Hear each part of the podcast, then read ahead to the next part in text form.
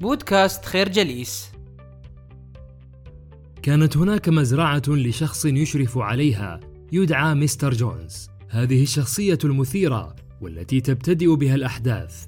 يأوي إلى فراشه بعد أن أغلق الباب الخارجي للحظائر كعادته في المساء. غير أن حالته التي كانت ثملة جعلته ينسى إغلاق أبواب حظائر حيوانات المزرعة. غاب مستر جونز الشخصية المكروهة لدى الحيوانات. فبدأ الصخب والصراخ يعلو كل أنحاء المزرعة. وذلك بسبب اجتماع كبير دعا إليه ماجور الخنزير الحكيم. وقد كان الاجتماع فرصة لأن يحكي لهم قصة حلم غريب. رآه في منامه الليلة السابقة. كان هذا النداء فرصة لالتحاق جميع حيوانات المزرعة وترقب حكاية الحلم الغريب. فكان أول الواصلين كلاب المزرعة الثلاثة بلوبل. جيسي وبنشر متبوعين بالخنازير ثم توالى وصول الدجاج والحمام والأغنام والأبقار وكذلك الحصان بوكسر والفرس كلوفر ووصلت العنزة البيضاء مورييل والحمار بنيامين. أما مجموعة فراخ البط يتيمة الأم فلم تجد مكانا لها فاستقرت بين الفخذين الدافئتين للفرس كلوفر. وصلت بعدها الفرس الشابة مولي قبل القطة بقليل حيث استقرت بين كلوفر وبوكسر. كل الحيوانات قد حضرت. ما عدا غراب مستر جونز المدلل موسى الذي بقي نائما في موقعه خلف باب الحظيرة. بدأ ماجور الخنزير الحكيم يحكي حلمه مناديا كل الحيوانات بالرفاق. لقد أكد لهم أنه بتقدمه في العمر وإحساسه بأن أجل رحيله قد اقترب. فهو يطمح أن يمنحهم تجربته وحكمته. التي تهيأت له من خلال عمر طويل خبر فيه كل شيء. كان يرى ماجور الحكيم أن إنجلترا بلاد طيبة وخيراتها كثيرة إلا أنه لا يوجد بها حيوان ينعم بالحرية والكرامة والعدالة. لكن ما سبب هذا البؤس الذي يعيش فيه الحيوانات؟ إنه ببساطة هيمنة الإنسان وتسلطه على الحيوانات فهو المخلوق الوحيد الذي يستهلك ولا ينتج. بالرغم من أن دون الحيوانات لا يستطيع الإنسان أن يعيش على هذه الأرض. لذا اعتبرته الحيوانات العدو الوحيد لها. ظل ماجور الحكيم يحفز الحيوانات ويوجهها إلى التفكير بهيمنة الإنسان عليها. فهو الذي يستغلها في القيام بمجهودات تفوق طاقاتها. دون أن تربح من وراء هذا العناء أي شيء يذكر إنه ليس أكثر من سارق يستفيد من منتجاتها. وما توفره له من أشياء دون أن تأخذه الرحمة بها وبظروفها وبمأساوية وضعها. الفكرة الحظيرة مثل أي مجتمع حينما يغيب فيه النظام يكثر الصخب والصراخ والإنسان في أصوله كائن استغلالي بالرغم من أن هناك من المخلوقات الأخرى من تتيح له إمكانية العيش على هذه الأرض. كانت لماجور الحكيم الرغبة في الوصول إلى نقطة محورية وهي أن الثورة هي الطريق الوحيد إلى الحرية والتخلص من هيمنة الجنس البشري وحصول الحيوانات على كرامتهم وسعادتهم.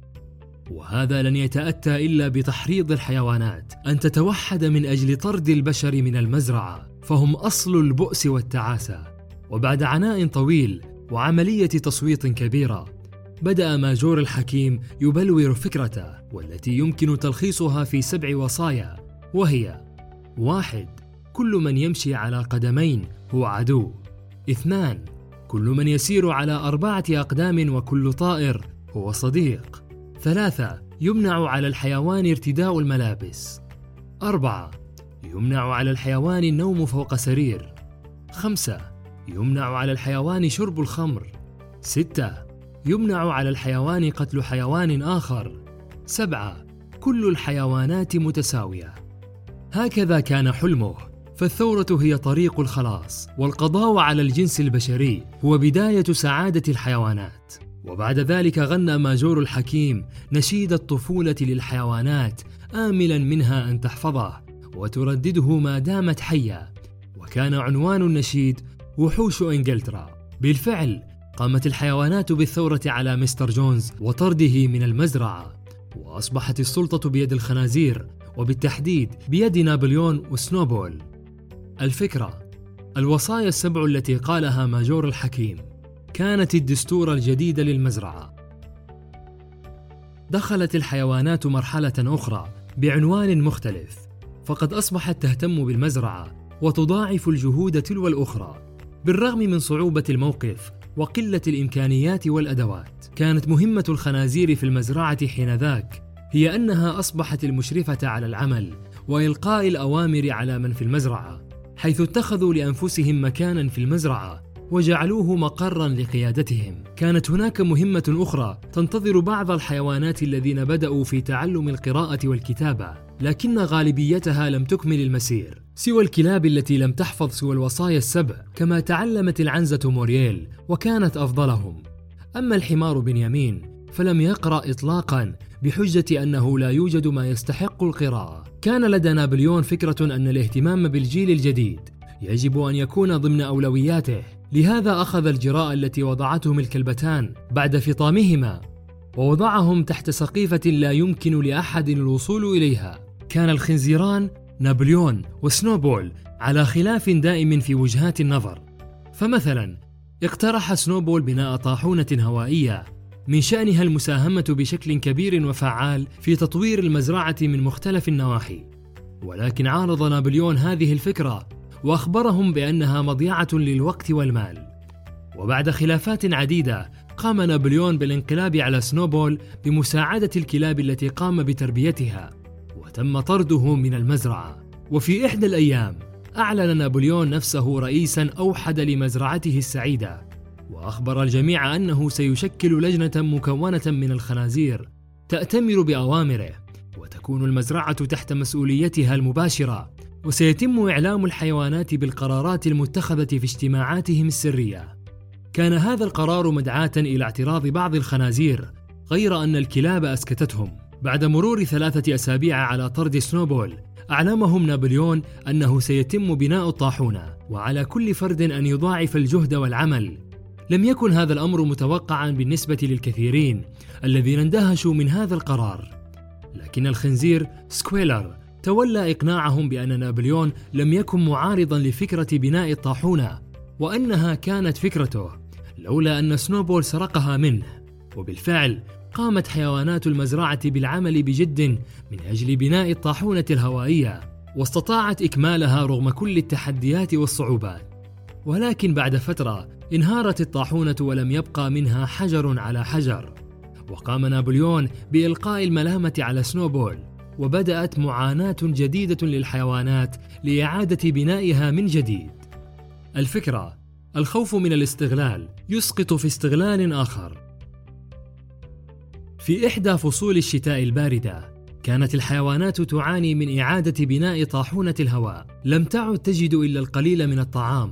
كانت تعمل بكل جهدها على ألا ينفضح أمرها مخافة شماتة البشر، وحتى لا تراها الحيوانات الأخرى على أنها فشلت في توفير طعامها. كان البشر يرفضون تصديق أن سنوبول هو سبب تحطم الطاحونة بل إن تحطمها برأيهم هو أن جدرانها رقيقة البناء. سهلة التحطم. لم تطمئن الحيوانات لهذا التفسير البشري لكنها مع ذلك قررت أن تبني جدران الطاحونة بطريقة تكون أسمك بمرتين من المرة الماضية. ألقى نابليون كلمة تمجد التضحية ودورها وتشحذ عزائم الحيوانات للمزيد من العمل. لكن الحيوانات كانت لا تستلهم القوة والعزيمة من كلماته بل من أفعال الحصان بوكسر الجادة. الذي يظل يعمل باجتهاد دائم من أجل توفير طعام لكافة الحيوانات. بدأت الحيوانات تعمل بجد كالعبيد. كانوا ينظرون إلى العمل على إقامة الطاحونة على أنه غاية وأمل. وكان الحصان بوكسر أكثر الحيوانات اجتهادا وعملا. لكنه عندما تعب وأصابه العياء أعطاه نابليون لذابح الحيوانات ليستفيد منه وتولى سكويلر إقناع الحيوانات بأن بوكسر قد أرسل إلى المستشفى وأنه رآه يحتضر بنفسه كذلك قام نابليون ببيع 400 بيضة أسبوعيا من بيض الدجاج وهو الأمر نفسه الذي كانت تؤاخذه الحيوانات على البشر كما جاء في كلمة ماجور الحكيم وأن سبب ثورة الحيوانات هو هذا الجشع والاستغلال والتسلط. لقد ثار الدجاج على هذا القرار، لكن نابليون كان قاسيا عليها، بقطع حصصها الغذائية نهائيا فماتت تسع دجاجات من الجوع قبل أن تستسلم الأخريات وتطيع أوامر نابليون. عاثت الخنازير في المزرعة فسادا فقمعت الحيوانات وحاولت إقناعهم أن كل شيء أو أي قرار هو في جوهره في صالحهم. كما خالفوا الوصايا السبع فلبسوا الملابس وناموا في السرير وشربوا الخمر واستغلوا ثروة المزرعة لصالحهم. ورفعوا حصة بيض الدجاج إلى 600 بيضة في الأسبوع ومنعوا إضاءة المصابيح في الإسطبل والمربط. وهكذا ازدادت حياة الحيوانات بؤسا وشقاء. أصبح الخنازير بفضل هذا الاستغلال أكثر ثروة وصحة. وجاءت أجيال جديدة لا تعرف عن الثورة شيئا. ومات الآباء والأجداد وأصبحت المزرعة أكثر ازدهارا وثراء دون أن يتغير حال الحيوانات أو مصيرهم من البؤس إلى الغنى وليس هناك من مستفيد من الوضع سوى الخنازير والكلاب الذين أصبحوا كذلك لأن هذا حقهم وواجب الحيوانات عليهم. وفجأة شاهدت الحيوانات سكويلر وباقي الخنازير تمشي على قوائمها الخلفية وبدأت الخراف في الهتاف الخير في الأقدام الأربعة والخير الأكثر في القدمين. واستبدلت الوصايا السبع بوصية واحدة وهي جميع الحيوانات متساوية. لكن بعضها أكثر مساواة من غيرها. الفكرة هروب الحيوانات من تسلط البشر وهيمنته أسقطهم في تسلط بعضهم على بعض. نشكركم على حسن استماعكم.